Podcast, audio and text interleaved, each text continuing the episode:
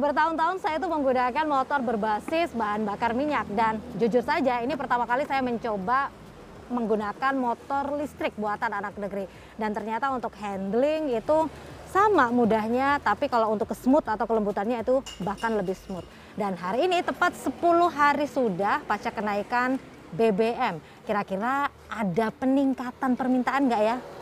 Coba lagi ya.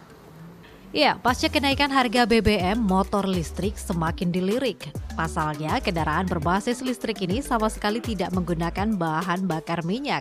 Dan konversi penggunaan biaya listriknya dinilai jauh lebih murah dibandingkan dengan harga BBM. Jadi kan ada beberapa customer kami yang rumahnya di Sidoarjo yang perlu uh, dinas dan bekerja di kota Surabaya. Kan mereka PP seharian itu bisa 50 km Sedangkan kami untuk menempuh jarak 50 km hanya cukup ngecas yang wattnya itu ongkosnya 2.200 rupiah. 2.200 rupiah. Nah Anda kalau beli BBM untuk menempuh 50 km estimasi 17.000 18.000 rupiah. Jadi itu hampir 10 kali lipat uh, ongkos uh, ongkos jalannya. Gitu. Teknis penggunaan baterai sebagai sumber energi utama adalah cukup mengisi ulang dayanya. Baterai bisa dilepas lalu diisi daya ataupun diisi daya langsung di motornya. Dari kondisi isi baterai nol dibutuhkan waktu pengisian daya sekitar 3 jam saja. Dengan efektivitas biaya dan waktu, peningkatan permintaan pasca kenaikan harga BBM mencapai 100%. Jadi um, yang biasanya kami jual dalam periode 10 hari itu 20-an, 30 unit, sekarang menjadi hampir 60 atau 50. Jadi dua kali lipat. Itu iya. Itu hanya kami di Surabaya saja.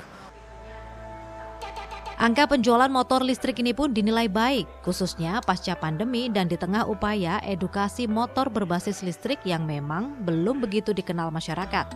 Harga motor listrik dengan kecepatan mencapai 120 km per jam ini pun berkisar 30 juta rupiah.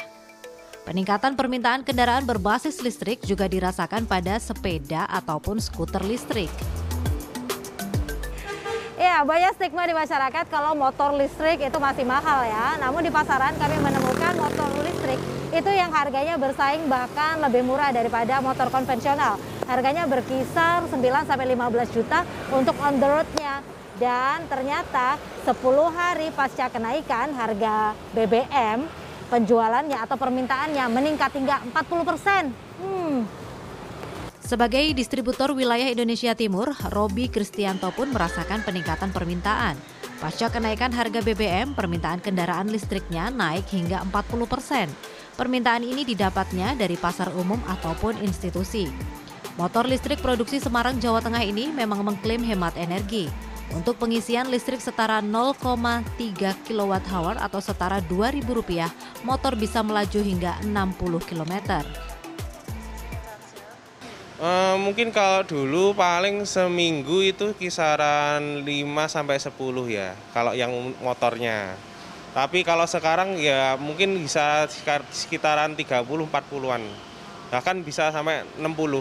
Kita pun ada permintaan ini dari PLN aja dari BUMN ini sekitar 50 unitan masih belum terrealisasi. Kenapa belum iya. terrealisasi? Uh, kita kendala unit bu, kita kehabisan sampai ini, kehabisan unit motornya. Ini kita masih menunggu dari uh, pabrik. Gitu. Ya, selain perseorangan, permintaan kendaraan listrik juga didukung pemerintah.